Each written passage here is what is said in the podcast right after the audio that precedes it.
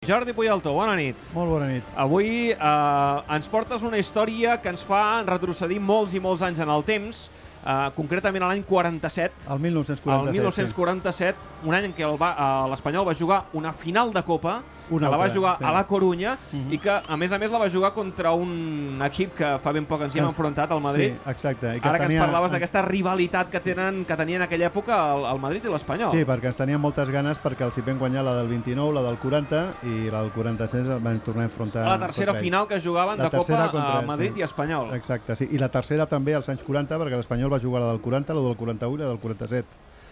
Eh, doncs el que tu molt bé dius, l'any 47, eh, després de, de disputar la del 40 al 41, vam arribar a una altra final que vam, vam jugar eh, després d'eliminar el Baracaldo, l'Oviedo, al Sabadell i ens vam plantar en semifinals. En semifinals ens teníem que enfrontar al Barça, però sobtadament el Nàstic de Tarragona, que havia pujat a primera divisió, el va eliminar. Llavors, la semifinal va ser contra, contra el Nàstic, eh, a Sarrià vam guanyar 5 a 3, allà vam perdre 1 a 0 i vam arribar a la final per, per sisena vegada, perquè vam arribar al 1911, al 15, al 29, al 40 i al 41. Eh, què va passar? Que es va tenir que decidir la, la seu d'on jugar el partit. Eh, es van fer unes propostes per part de tots dos equips, la federació li va semblar malament perquè una era el Metropolitano Atlètic Madrid, l'altra era Montjuïc, eh, llavors van dir que no, que ofertessin unes altres, i què va passar? Que l'Espanyol va dir, bueno, Madrid-Espanyol, entre Madrid i Barcelona, doncs València. I al Real Madrid, doncs Santiago Bernabéu li interessava molt eh, que això no passés perquè l'afició de l'Espanyol no pogués viatjar i va proposar la Corunya, eh, que Galícia és una zona eminentment No es deuen haver disputat moltes finals de Copa a la Corunya, segurament, eh? mm, No gaires, jo deu ser de les poques que- que s'hi han disputat. Jo només recordo aquesta. Llavors, què va passar? Que la Federació Espanyola de Futbol, fent cas a- al Real Madrid i passant per sobre de tots els interessos de l'Espanyol, va portar la final a la Corunya. Eh, de tal manera que la Junta Directiva de l'Espanyol va enviar un telegrama queixant-se.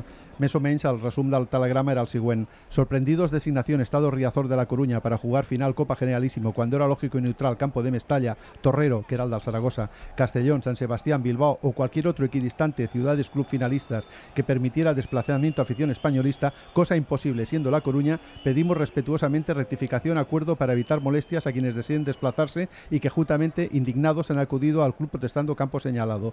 Firmado el presidente del Español, Francisco Román Cenarro. Però no va haver-hi cap mena de, de rectificació i la final es va jugar a la no Corunya. solament, sinó que la resposta de la federació va ser destituir el president de l'Espanyol Com que el va- la Desti- federació va destituir, el president de l'Espanyol? Per possible? indisciplina. Ah, sí? El va destituir per disciplina i al front de l'Espanyol va posar el tinent coronel José Salas Paniello. Però m'estàs dient, per tant, que l'any 47 es podia destituir un president d'un club? Doncs- La federació això ho podia fer? Ho van fer, Carai, ho van fer. Lo que segurament només ho van fer amb l'Espanyol perquè no tinc constància de que això passés amb cap altre equip. Llavors resulta que eh, es va encarregar el president de l'Espanyol i el van substituir per un, per un militar.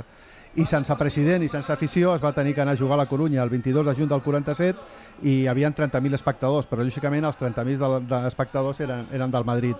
La, la final va ser molt disputada, eh, la primera part 0-0, la segona part 0-0, la pròrroga primera part 0-0 i a la segona part el, un tal Vidal, que era davanter, va marcar un claríssim fora de joc i quan l'Espanyol intentava atacar doncs van fer un 2 a 0 i es va acabar i va quedar campió el Real Madrid. Doncs déu nhi Jordi, aquests últims dies hem, hem descobert la, la gran rivalitat que, que van viure també Mm. en aquelles èpoques, eh, no només al, als anys 40, sinó també a l'inici de, la, de la creació de la Lliga, el Madrid i l'Espanyol, eh? Sí, I, sí, i déu sí. nhi aquesta història, I com les gastaven a la va- federació Es van aquella quedar època. sense afició i sense president. Molt bé, Jordi, moltíssimes gràcies i bones festes, eh? Fantàstic, igualment. Moltíssimes gràcies a vosaltres. Perfecte.